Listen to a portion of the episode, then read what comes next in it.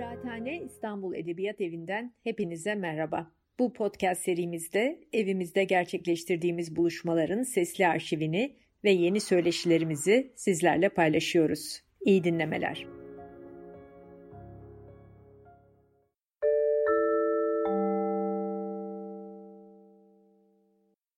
Merhaba, ee, ben bugün e, Yaşar Kemal'i anlatmak istiyorum. 28 Şubat 2015 yılında aramızdan ayrıldı. 5 yıl oldu. Fakat biz onu e, yüzyıllar boyu konuşacağımıza inanıyorum. O e, Türkçe'ye konmuş mucizelerden e, biri olarak düşünüyorum onun e, varlığını. Kırkın üzerindeki eserin de büyük bir hazine olarak bizde e, Türkçe'de kaldığını düşünüyorum. Bu bakımdan e, kıymetine dair benim sözümün bir e, artısı yok ama zaten bütün dünya onu biliyor. Bütün dünya dillerine çevrilmiş bir yazardan söz etmiş olacağım.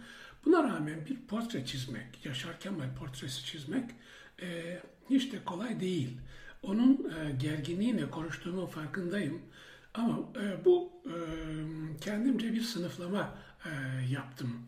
Nereden başlarsak, nasıl kurarsak e, portre e, tablosunu diye şöyle bir e, e, yöntem uygulayacağım. Ona e, kendisinden önceki hayatı ki herkesin e, hayat hayatı bildiğimiz gibi doğumundan başlamaz. Daima bir öncesi vardır. E, Yaşar Kemal de bu e, öge çok daha besleyici bir öge olarak e, değer taşır ve her seferinde bunu mutlaka anar. Kendisini anlatmak istediği vakit ailesini anlatır. E, ailesi bir e, Kürt e, ailesi. Van'da, Van kıyısında, Van Gölü kıyısında Ernis Muradiye yolu üzerindeki Ernis köyünde yaşamış büyük bir aşiret, Luvan aşireti ve aşiretin reisi de Yaşar Kemal'in büyüklerinden birisi. Yaşar Kemal böyle bir e, şeyi, hmm, kültürel bir birikimin kendisine ulaşmasını e, büyük bir e, önemli öge olarak anar ki bu da çok doğru. Çünkü sözlü kültürün neredeyse ki neredeyse Orta Doğu'daki büyük birikimini taşıyan bir ailedir bu aile. Ailede iki tane bellek hazinesi değerinde iki kadın vardır. Bunlar halk destanlarını aşk hikayelerini, türküleri e, belleklerinde uzun süre taşımışlar ve taşındıkları, göçtükleri Hemite'ye kadar getirmişlerdir. E, bu ailenin başında şöyle bir trajik olay geçmiştir. Bu da hikayelerinde, romanlarında çok önemli, besleyici bir öge olarak değer taşır. Bu hikaye şudur. 1915 e, yılında Çarlık ordusu e, Süphan Dağı'na gelip e, köyleri bombalamaya, Van'ı bombalamaya başladığında bu aile apar topar e, büyük bir göçe başlamıştır. Bu göç, e, geniş ailenin göçü tam bir buçuk yıl sürmüştür. Önce e, Van'a, daha sonra Diyarbakır'a, her nasılsa ve nedense Suriye çöllerine kadar uzanan bir göç hikayesi ama bir savaş ortamında e, süre gelen e, çocuk sürülerinin, yetim kalmış çocuk sürülerinin arasında e, sürünerek yaşanmış e, bir hayat memat e, savaşı gibi, ölüm kalım savaşı gibi bir savaş içerisinden geçip gelmişler Hemite köyüne. Gelirken de e, yanlarına bir yetim çocuk çalıda buldukları bir yetim çocuğu almışlar. Yusuf ki Yaşar Kemal'in yaşamında bu e, kişinin çok önemli bir rolü olacaktır. Birazdan söz edeceğim. Ee, sözlü kültürün bu kadar yoğun olduğu bir ailenin çocuğu olarak Yaşar Kemal e, 1923 yılında doğuyor ve 1923 yılında doğduğunda e, onu e, destanlarla, hikayelerle karşılayan bir ailenin ortamına e, bir, e, yetişiyor. Bunun e, bu süre içerisinde bu ailenin kendini çok önemli kıldığı, önemli bulduğu üç ögeden e, söz etmek istiyorum. E, bir tanesi e, ailenin sık sık biz Hacı Süleyman ailesiyiz e, demesine neden olan karakter. Hacı Süleyman karakteri. Saf, pür bir Müslüman karakteri bu. E, babası e, büyük işte e, Luvan aşireti reislerinden bir tanesi, beylerinden biri e, Mehmet Bey. Mehmet Bey e, ölüm döşeğine düştüğünde e, Hacı Süleyman'ı çağırır ve e, beylik mührünü ona devredeceğini diğer çocuklarla beraber yanına çağırır. Ona devredeceğini söyler. Fakat Hacı Süleyman babaya karşı şöyle bir tavırda bulunur ki bu çok önemli bir öge. E, o da şu, e, baba ben e, inançlarıma göre, ahlakıma göre e, bu işi sürdürecek bir kişi değilim. Çünkü ben yetim hakkı yiyemem, kimseye zulüm edemem diyen bir e, dede e, var ailede ve bu aile kendisini biz Hacı Süleyman ailesiyiz diye övünçle anacağı bir ahlak da taşıyan bir aile. Daha sonra bunun etkisini birazdan e, söz edeceğim. Etkisinin nasıl sonuçlar yarattığını da e, anlatabileceğim, anlatacağım. E, ikinci öge ise e, bu aileye Van'da yaşarken e, Kürtlerin büyük destanısı Ebdala Zeynike'nin ziyaret etmiş olması e, ailenin övünç kaynaklarından bir tanesi. E, Ebdala Zeynike e, 1865'te e, Kozanoğlu ayaklanması olduğu sıralarda e, Osmanlı Paşası Sürmeli Mehmet Bey'in ordusunda e, görev almış bir asker. E, Ozan aynı zamanda. E, fakat döndükten sonra bu savaş, Kozanoğlu Savaşı, e, işte o büyük e, göçmen kıyımı e, gerçekleştikten sonra, bittikten sonra, yenildikten sonra e, Van'a döndük, e, döndüğünde bunun destanını yazmış Ebdala Zeynike. Bu destan e, Sürmeli Mehmet Paşa'nın zaferi olarak değil, tam tersine e, halkların birbirini kırmış olması, insanların birbirini kırmış olmasının acısını anlatan e, bir destan. E, dolayısıyla gelen, köye gelen e, Yaşar Kemal ailesi bir bakıma e, yerleştikleri yerin e, hikayesini daha önce e, bilmiş e, durumda geliyorlar. Bu e, daha sonra Türkmen köyünün ki o köyde 1865'ten sonra e, zorla yerleştirilmiş e, göçebelerin e, köyü, Hemite köyü, e, Hamit Dede köyü e, hatta Hemit söylene söylene Hemite köyü haline gelmiş. Hemite köyü e, bir göçmen, e, göçebe e, toplum şeyi. Bu toplumun ne özelliği var? Bu toplum Kozanoğlu'nun, Dadaloğlu'nun, Karacaoğlan'ın, Pir Sultan'ın kendi ozanları olduğunu düşünmüş, kendi savaşçıları olduğunu düşünmüş, kendi kahramanları olduğunu düşünmüş ve öyle benimsemiş ve belleklerinde onu neredeyse bütün e, 7'den 70'e e, bu hikayeleri ezbere bilebilen bir e, toplum. E, şu demek oluyor, e, bir bakma Van'dan e, gelen e, büyük e, sözlü kültür, Kürt sözlü kültürü burada e, Türkmen sözlü kültürüyle buluşarak bir kaynaşma yaşıyor. Ve bu kaynaşmayı Yaşar Kemal çocukluğundan itibaren e, algılıyor ve onu besleyen en büyük, en önemli e, kaynaklardan biri olarak e, sürekli tekrarlar. E, üçüncü öge bu e, şeyde yani bu göç sırasında ve bu göçün hikayesi içerisinde üçüncü öge Yaşar Kemal'i besleyen üçüncü öge ise anne imagosu. Walter Benjamin bunu çok önemseyerek belirtir. Yazardaki ki örneği, yazar örneği olarak Rus e, modern edebiyatının kurucusu saydığı Nikola Leskov örneğini verir ve annenin sözlü kültür belliği olarak e, güçlü annenin onun üzerindeki etkisinden söz eder. Bir benzerini burada Yaşar Kemal e, de görüyoruz. Annem diyor Yaşar Kemal, belli çok güçlü bir kadındı ve çok da güzel destan söylerdi. Onun gibi e, destan söyleyen kimseyi tanımadım. O bir söze başlayınca diyor, hmm, herkesi lalü ekkem e, e, bırakırdı. Beni büyülemişti annem diyordu. Anne tarafından büyülenmiş olmak sanırım Yaşar Kemal'in kendini gerçekleştirme süreci içerisinde, kendi olma süreci içerisinde çok önemli bir rol oynuyor. E, bu sadece Yaşar Kemal'e, Nikola e, Leskov'a ait bir durum değil. Marquez de benzer bir şey söylemişti.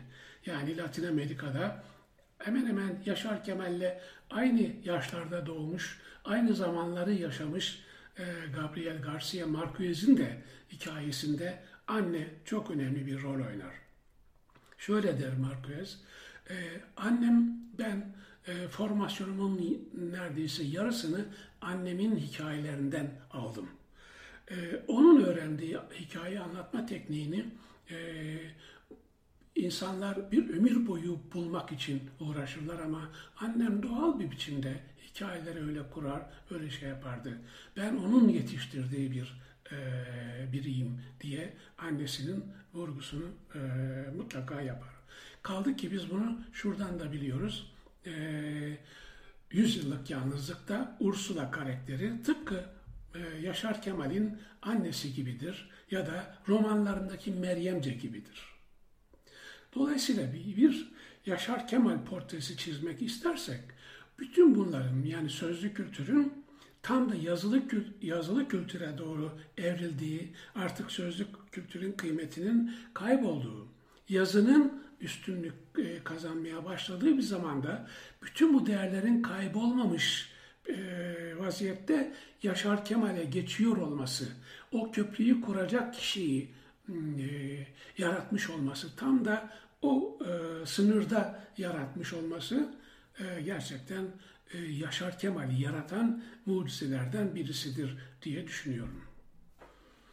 Evet, bu ailenin e, Hemite'ye geliş öyküsü e, Kadirli'ye geliş öyküsü, Adana'ya geliş öyküsünün içerisinde bir öge var ki Yaşar Kemal bunu çok özenle anlatır e, kendisi e, röportajlarında. O da şu, e, yol e, boyu içerisinde, yol e, göç, göç yolu içerisinde e, şöyle bir durumla karşılaşmışlardır. E, Hurşit Bey adında bir e, nüfuzlu bir e, ağa ile karşılaşmışlar ve e, kemerlerini, altın kemerlerini e, ona satmak zorunda kalmışlardır. E, Hurşit Bey de kemerdeki sanatsal e, üstünlüğe hayran kalmış. E, ben bu kemeri e, kabul edemeyeceğim e, demiş. Fakat buna rağmen e, zorla e, satın al, e, satmışlar. E, ona bir mektup, onlara aileye bir mektup vermiş ki e, gittiğinizde e, Kadirli Kaymakamını bulun, e, sizi iyi bir yere eve yerleştirsin. Mektupta e, yanlarında gelmişler. Kaymakamla, e, Arif Bey galiba kaymakamın adı, kaymakamla e, Yaşar Kemal'in babası Sadık Bey e, görüşme sırasında bir çelişki yaşamışlar. O çelişki de şu, e, bilindiği gibi 1915'ten sonra e, Kilikya bölgesinde e, Türkiye'nin hemen her yerinde Ermeniler e, sürgün edilmişlerdi. Zorunlu göçe ve felaketlere uğratılmışlardı. Bu neredeyse bütün o bölgede yaşayan insanların bildiği bir gerçekti. Yaşar Kemal'in ailesine bu o, o Ermenilerden kalan bir evi vermek e, istiyor Arif Bey. Kaymakam Arif Bey. E, Hurşit Bey'den mektup getirdikleri için çok kıymetli bir aile olduklarını düşünüyor filan. Onlara işte Ermeni Semail Bey'in e, evini, konağını vermek istiyor. To topraklarıyla, tarlalarıyla birlikte. Fakat baba diyor ki hayır ben o evi kabul edemem. Neden? Beğenmedin mi? Hayır. E, çok da güzel bir ev. E, fakat anam dedi ki diyor Anam, anam ne dedi diye Arif Bey sinirlenerek üstüne geliyor. Anam dedi ki yuvası bozulan e, kuşun yuvası başka bir kuşa hayır olmaz e, dedi diyor. Onlar kuş değil Ermeni. Ermeniydi, kuştu filan tartışırken Arif Bey'in tepesi atıyor ve e, götürün bu vazalak e, Kürtleri e, dağlık, kayalık bir yerde, bir köyde e, yerleştirin diyor. O köyde Hemite köyü oluyor.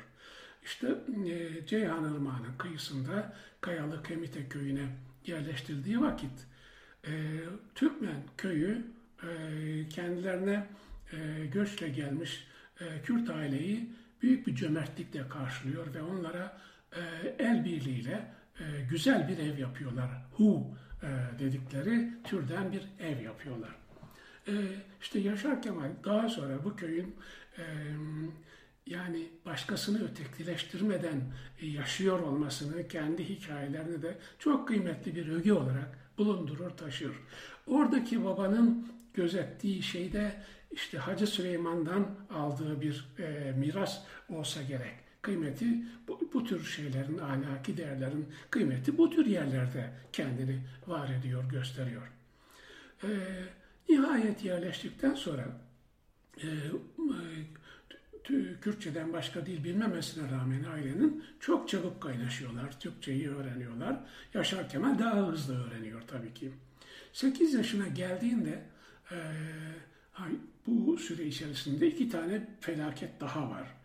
Bir tanesi e, işte küçükken, e, 3-4 yaşındayken e, bir kurban kesimi sırasında gözüne e, kurban bıçağının e, bir yanlış hareketle e, batmış olması. Orada kurbanın kesimine ne bakan Yaşar Kemal'in e, sağ gözüne e, bıçak batıyor ve gözünü kaybediyor. Bu önemli e, olaylardan bir tanesi. Çünkü bunun telafisi galiba Yaşar Kemal'de her şeye büyük bir dikkatle, büyük bir detay duygusuyla, ayrıntı duygusuyla bakması, onları kitaplarında betimlediği gibi e, içine alması, kabullenmesi sanırım bir organ e, noksanlığının telafisi olarak da düşünmek mümkün. E, ikinci e, trajik olay ise babasının ölümü. E, yolda gelirken e, evlatlık aldıkları e, Yusuf e, Yusuf e, bir nedenle ne olduğunu bilmediğim bir nedenle babayı camide namaz kılarken öldürüyor. E, ailenin en büyük e, iki tane yani Hemite'ye yerleştikten sonraki en büyük iki olayı da e, bu. E, fakat çok güçlü, dirayetli bir anne var. E, anne ve amca var. E, evde anne amcayla evleniyor. E, o gelenek içerisinde, feodal gelenek içerisinde bunlar oluyor. E, bildi, bilindiği gibi. E, büyümeye başlıyor Yaşar Kemal. E, giderek Yaşar Kemal de daha çok erken yaşlarda e, annesini e, ne öykünerek, annesinin attığı, anlattığı öyküleri çocuklara anlatmaya başlayarak bir e, destancılık hevesi e, başlıyor. Ve giderek bu Türkçeyi de geliştirdiği sürece köy, köyün diğer e, ailelerin, şeylerin de e, kö, köylüleri de çevresinde toplamaya ve onlara da bu hikayeleri anlatmaya başlıyor. Ve artık e, giderek kendisi şiirler yazan, aşıklarla atışan bir dil yeteneğine e, kavuştuğu e, görülüyor. E, aşıklar, gezginci aşıklar Gemite köyüne sırf e, Kemal'i görmek için e, geliyorlar ve kendilerine Aşık Kemal diye hitap ediyorlar. Hatta bir tanesi saz hediye ediyor. Bütün bunlar Yaşar Kemal'in büyümesinde çok önemli, e, güçlü figürler. E, hatta e, Maraşlı bir aşıktan söz eder. Aşık Rahmi galiba. Aşık Rahmi e, diyor ki gel benimle gezginci ozan ol, e, köy köy dolaşalım, e, sen çok büyük bir e, şair olacaksın, Karacaoğlan gibi bir insan olacaksın, e, gel benimle katıl, e, yola çıkalım diyor. Fakat anne e, doğal olarak buna izin vermiyor. Anne hatta destancı olmasını da istemiyor. E, çünkü bütün bunlar, bütün bu anlatılar büyük dert yükü taşımak anlamına da gelir.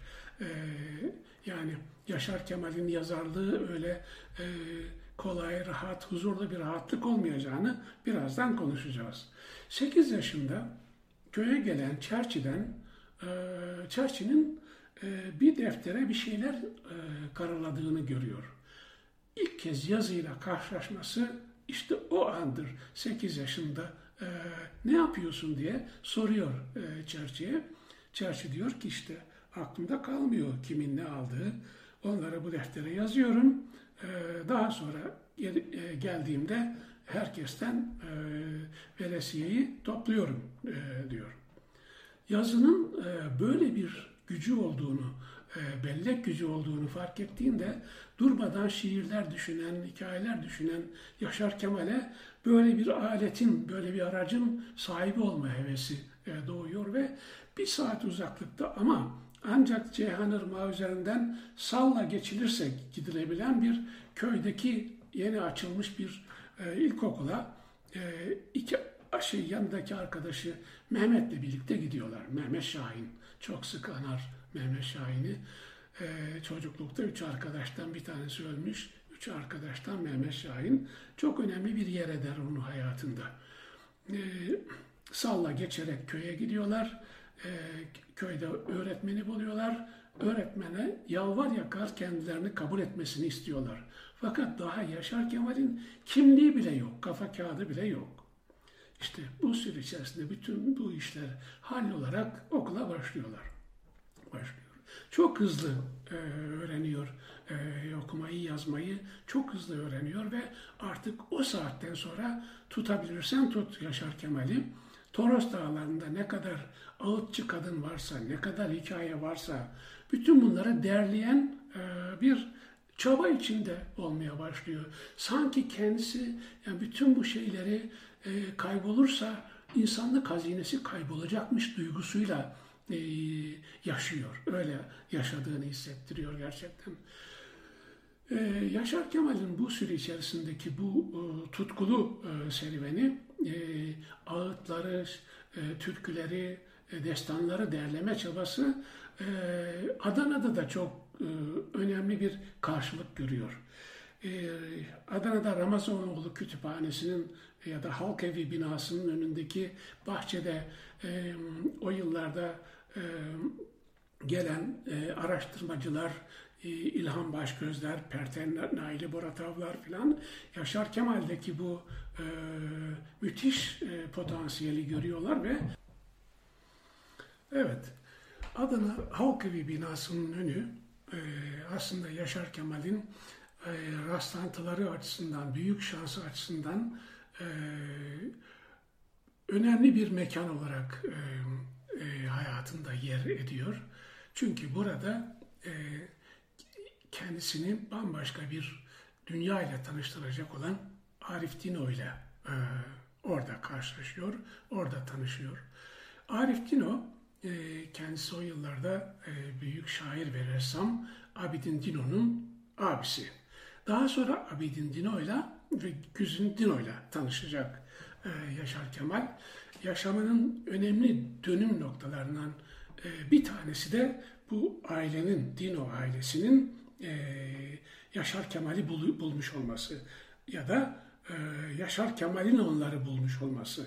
Çünkü Ağıtlara yazdığı ön sözde Abidin Dino, Yaşar Kemal'in Toros Dağları'ndan getirmiş olduğu ağıtları, türküleri, öyküleri okudukça, dinledikçe büyük bir söz yumağının nasıl da bir güç taşıdığını, nasıl dehşet bir hikaye taşıdığını, biriktirdiğini hissettik diyor ve bu deli dolu çocuğun e, bu bir deri bir kemik e, uzun boylu e, çocuğun e, tutkusu, heyecanıyla yaşattığı şey bize de e, bulaşmıştı diyor.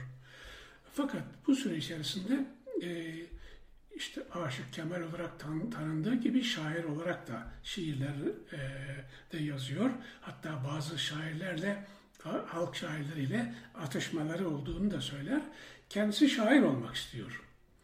Ee, bir süre sonra şairlik e, yerini e, işte bu hikayeleri derleyip yazıp e, düzene sokmaya başladığında yerini modern hikayeye bırakmaya başlıyor. İlk yazdığı hikayeler işte pis hikaye, bebek, hırsız, ve benzer türde hikayeler. Bu hikayelerde Abidin Dino, Gizin Dino ve Arif Dino bir çok önemli bir yazarın doğduğunu fark ediyorlar. Tamam diyorlar. fakat yazar doğmuş ama yazar aynı zamanda devletin başına bir bela olarak görülür bu ülkede biliyorsunuz. E, dolayısıyla onun e, huzurda yavaş yavaş huzuru da elinden alınmaya başlar. Sık sık evi e, adı komüniste çıkmıştır. Sık sık evi jandarma tarafından basılır. Ağır dayaklar yer, bir süre hapis yatar, tekrar çıkar, tekrar basılır. E, büyük hikayeler. Fakat bu arada kendisi de artık sosyalist olduğuna inanmaya başlamıştır. Artık dünyayı e, tarihsel maddeci bir gözle e, görmek, düşünmek üzere e, okumaya başlamıştır ve genç bir delikanlı olarak e, Adana'daki sosyalist hareketin içinde yerini almıştır. E, işte e, Yaşar Kemal'in en büyük şansı e, Türkiye Komünist Partisi'nin şu ya da bu şekilde e, bağlantılı olan ile e, parti ile bağlantılı olan Abidin Dino'nun e, onun e, yaşamındaki oynadığı rol. E, Abidin Dino e, Yaşar Kemal'in Adana'da değil artık İstanbul'a gitmesi gerektiğini düşünüyor. Arif Dino da bunu destekliyor ve e, onu bir tür İstanbul'a yolcu edecekler artık. Çünkü artık e, kendisinin deyimiyle zilli kurt olmuş vaziyette e, ne e, iş bulma imkanı kalmış Adana'da ne de huzuru kalmış. Sık sık e, başı komünist olduğu için belaya giren bir e, delikanlı.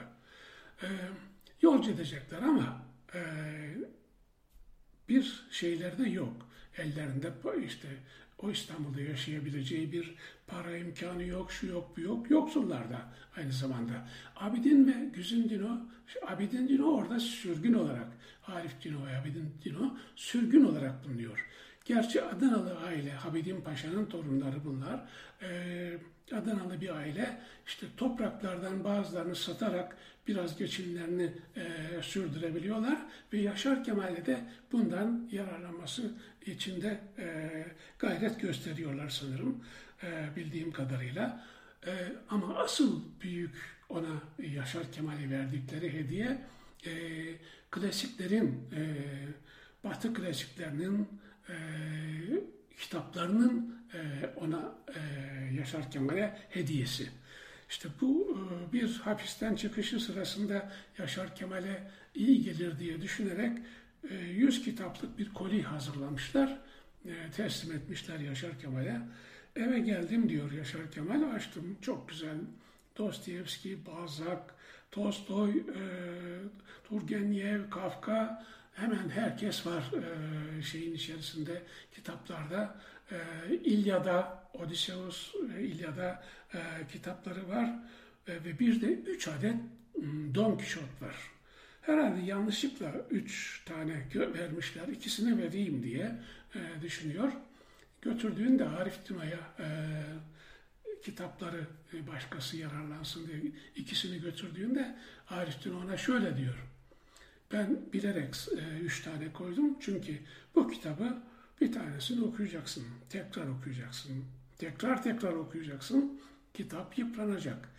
Ee, okunamaz hale gelecek yıpran, yıpranmış kitap. O yüzden e, daha bir yenisini alıp tekrar okuyacaksın. Çünkü bütün bir ömür boyu okuyacağın bir kitap hediye ettim sana diyor. Ee, Yaşar Kemal'in de bu söz üzerine söylediği şey şu, gerçekten de öyle. Don Quixote'u okuduğumda hayatım değişmişti. İşte e, kendisi de küçük çaplı bir e, Don Quixote olarak e, İstanbul'a doğru yola çıkıyor. İstanbul'a vardığında bir süre ciddi bir yoksulluk yaşamasına rağmen nihayetinde Cumhuriyet Gazetesi'nde e, röportaj e, yapmak üzere görevlendirildikten sonra kendisini toparlamaya başlıyor. Bu röportajlar ki e, herhalde bu ülkede gazetecilik varsa onun muhteşem örneklerindendir e, röportajları. E, bu diyar baştan başa Çukurova yana yana, e, işte yanan ormanlarda e, dair şeyler, yükler. Hemen Türkiye'nin her yerinde e, gezerek e, bu hikayeleri, e, röportajları e, yapıyor. Bir tür e, Nazım Hikmet'in memleketimden insan manzaraları gibidir e, röportajlarındaki bulduğu ve e, konuştuğu insanlar. E, aslında o da artık Abidin Dino üzerinden Nazım Okulu'na, Nazım'ın büyük e, adı e, ve tabelası olmayan Nazım Okulu'na e, kaydolanlardan birisi olmuştur. Evet artık Yaşar Kemal e, İstanbullu e, Yaşar Kemal. E, fakat yanında getirdiği e, büyük hikayelerle e, yavaş yavaş yazma, hikayeleri yazmaya başlıyor. İlk yazdığı kitap e, İnce Mehmet. Önce Cumhuriyet'te 1953 ve 54 yıllarında e, tefrika ediliyor. 1955'te de yayınlanıyor. Yayınlandığı andan itibaren büyük bir e, e, sevgiyle, ilgiyle karşılanıyor. E, çok e, büyük bir okur kitlesine ulaşıyor e, bu kitap. Çünkü e, o güne kadar Türkçe'de böyle bir kitap yazılmamış. Özgünlüğüyle de muhteşem. E, tam o yıllarda Varlık Dergisi bir e, yarışma açıyor. E, roman e, ödülü e, koy, koy, koymuş. Bu roman ödülünü kazanıyor. Başka da e, çok ünlü yazarlar katılmış olmasına rağmen roman ödülü Yaşar Kemal'e veriliyor ve asıl ödülden daha çok Yaşar Kemal'in ödül parası olarak aldığı bin lira onu keyiflendiriyor çünkü çok yoksul durumda. Daha sonra binlerce ödül almış, neredeyse yüzlerce ödül almış bir yazar. E, en e, güzel cümlelerinden bir tanesi de şu, ödüller vaktimi çok fazla alıyor e, deyişi unutulacak türde bir söz değil. İnce Mehmet'in e, giderek dünya dillerine çevriliyor olması çok e, hızlı bir şekilde dünyada da okur okur bul, bu, e, buluyor olması Yaşar Kemal'in yaşamında yepyeni bir dönemi başlatıyor. 1960'tan sonra sanırım artık e, yazdıklarıyla geçinebilecek durumda az az çok yazdıklarıyla geçinebilecek duruma e, gelebilir e, konumda. Ve eşi evlendiği Tilda Kemal ise bir çevirmen, kendisinin de çevirmeni ve büyük şanslarından birisi de Tilda Kemal. E, kendisi söyler bunu. E, mezar başında yaptığı çok güzel bir konuşması vardır Tilda Kemal'in. E, Abidin Dino, Arif Dino, Gizin Dino ile dostlukları e, daima e, son e, son anına kadar devam etmiş vaziyette. İstanbul Edebiyat Cumhuriyeti, Cumhuriyeti ile de tanışmış oluyor böylece. İstanbul'daki, Türkiye'deki en çok e, tanınan e, yazarlardan birisi. Hatta e, Üç Kemaller diye anılırlardı. Birisi Kemal Tahir, diğeri Orhan Kemal, kendisi Yaşar Kemal. Üç Kemaller Türkçe Edebiyat'ın büyük olay yaratıcısı yani yapıtları vermeye başlamışlardı. Orhan Kemal e, Nazım'la yattığı Bursa hapishanesinden çıkmış, Adana'ya gelmiş, Yaşar Kemal'le orada tanışmış. Daha sonra o da İstanbul'a gelmişti. E, onların dostlukları, dayanışmaları her daim devam etti.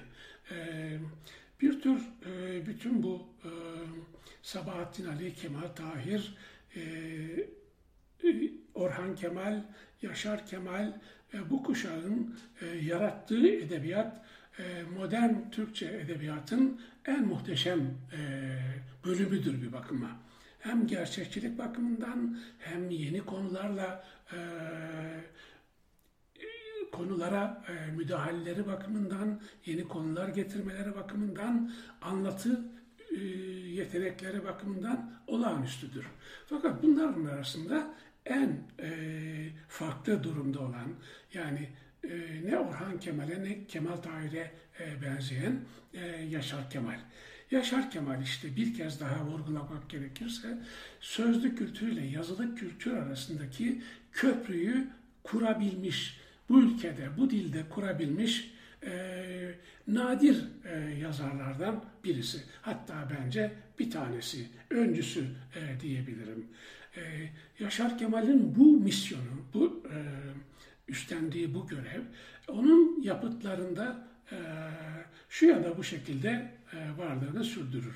Neler de sürdürür e, diye sorulabilir. Bir kere bütün e, az önce anlattığım tarihsel rahimde olan biten hikayeler e, Kimsecik romanında, Dağın Öteki Yüzünde, daha sonra Akçasaz'ın ağlarında ve en büyük yapıt olan bir ada hikayesinde tekrar sahnelenmeye ama dönüşmüş vaziyette sahnelenmeye başladı. Yaşar Kemal hiçbir zaman bir hikayeyi e, birebir e, anlatıcının diliyle aynen yazan değildir. Kendi yaratımını, kendi kurgusunu, kendi düzenini kurduğu için yeni bir roman, yeni bir anlatı tarzı geliştirdiği için Yaşar Kemal olmuştur. E, e, Konrad'ın bir sözü aklıma geldi şimdi. Konrad diyor ki iyi büyük romanların, büyük romancıların, büyük yazarların bir ideali vardır. Ve dünyayı, dünya üzerine adaleti getirme arzusu e, yaşarlar e, diyor. Yaşar Kemal'in bütün hikayelerinde bu adalet duygusunun takibi, onun gerçekleşmesine dair tutku, Bin Boğalar efsanesinden tutun da bir ada hikayesine kadar hemen hepsinde iç içe geçmiş öykülerle, tek tek bireylerin öyküleriyle e, varlığını sürdürür. Ama en e, benim gözümde e, okudukça kıymeti daha çok artan bir ada hikayesi, dört ciltlik bir ada hikayesinde şöyle bir durum var. Onu betimleyerek e, konuyu tamamlamak istiyorum. E, bu ada 1924 ile birlikte e, Lena e, ana ve oğlu Vasili'nin dışında kimsenin olmadığı ıssız bir ada. E, Karınca Adası. Yani bu adanın e, yavaş yavaş mübadeleyle birlikte e, nüfuzu çoğalmaya başlıyor. E, Yaşar Kemal'in giderek bu nüfuzu çoğaltırken kurduğu düzen şöyle bir düzen. E, Balkanlardan Afganistan'a kadar, Kafkasya'dan Akdeniz'e kadar e, kim mağdur kalmışsa, e, onlardan hangi halk mağdur kalmışsa, e, hangi halk e, acı çekmişse, onlardan bir örneği, bir karakteri e, adaya getiriyor. Denkbeş, Uso, e, Hüsmen Bey, e, Yüzbaşı Poyraz, Girit Adası'ndan mübadeleyle gelmiş olan Musa Kazım Bey ve Melek Hatun, bütün bunlar daha sayıları giderek çoğalan, keza e, Nişancı Veli, e, Karadenizli Nişancı Veli, e, balıkçı aynı zamanda e, bir e, orada bir e, bir toplumsal düzen kuruyorlar. Bu toplumsal düzenin işleyiş tarzı şöyle, e, hepsi mağdur olmuş, hikayeleri birbirinin üstüne binmeye başlamış. Neredeyse her akşam e, bir ateşin çevresinde e, dillerini bilmeseler bile birbirlerine kendi acılarını anlatan bir topluluk oluşmaya başlamış. Evet bu topluluğun yaşam tarzında işte adada ne yapılabilirse onun içerisinde herkese, herkesten elinden geldiği kadar e, herkesin ihtiyacına göre bir toplumsal düzen kurulmuş. Yaşar Kemal bir bakıma bir ütopya e, bırakarak e, aramızdan ayrıldı. Bir adı hikayesi bu topraklarda, e, bu dünyada yaşanabilir bir dünya olabilmesinin koşullarını da işte ekolojik koşullarının aynı zamanda e, insani koşullarının da gerçekleşmesi bakımından büyük bir betimleme ile e, bu dört ciltlik şaheseri e, ortaya getirdi. Bütün kitaplarının bir tür özeti gibi e, düşünüyorum bu kitabı.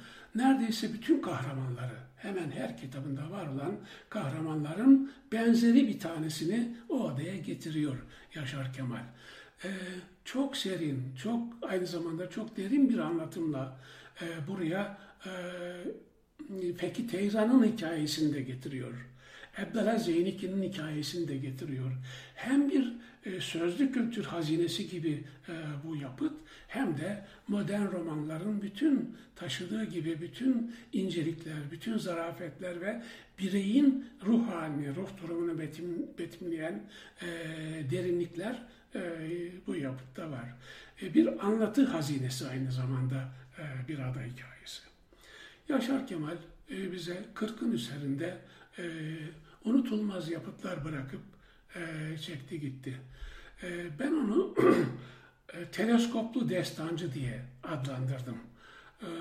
Teleskop bildiğimiz gibi Newton zamanında icat edilmiş insanın gözünün uzakları görebilme, derinliğine görebilme, daha detay görebilme yeteneği veren bir buluş, bir araç.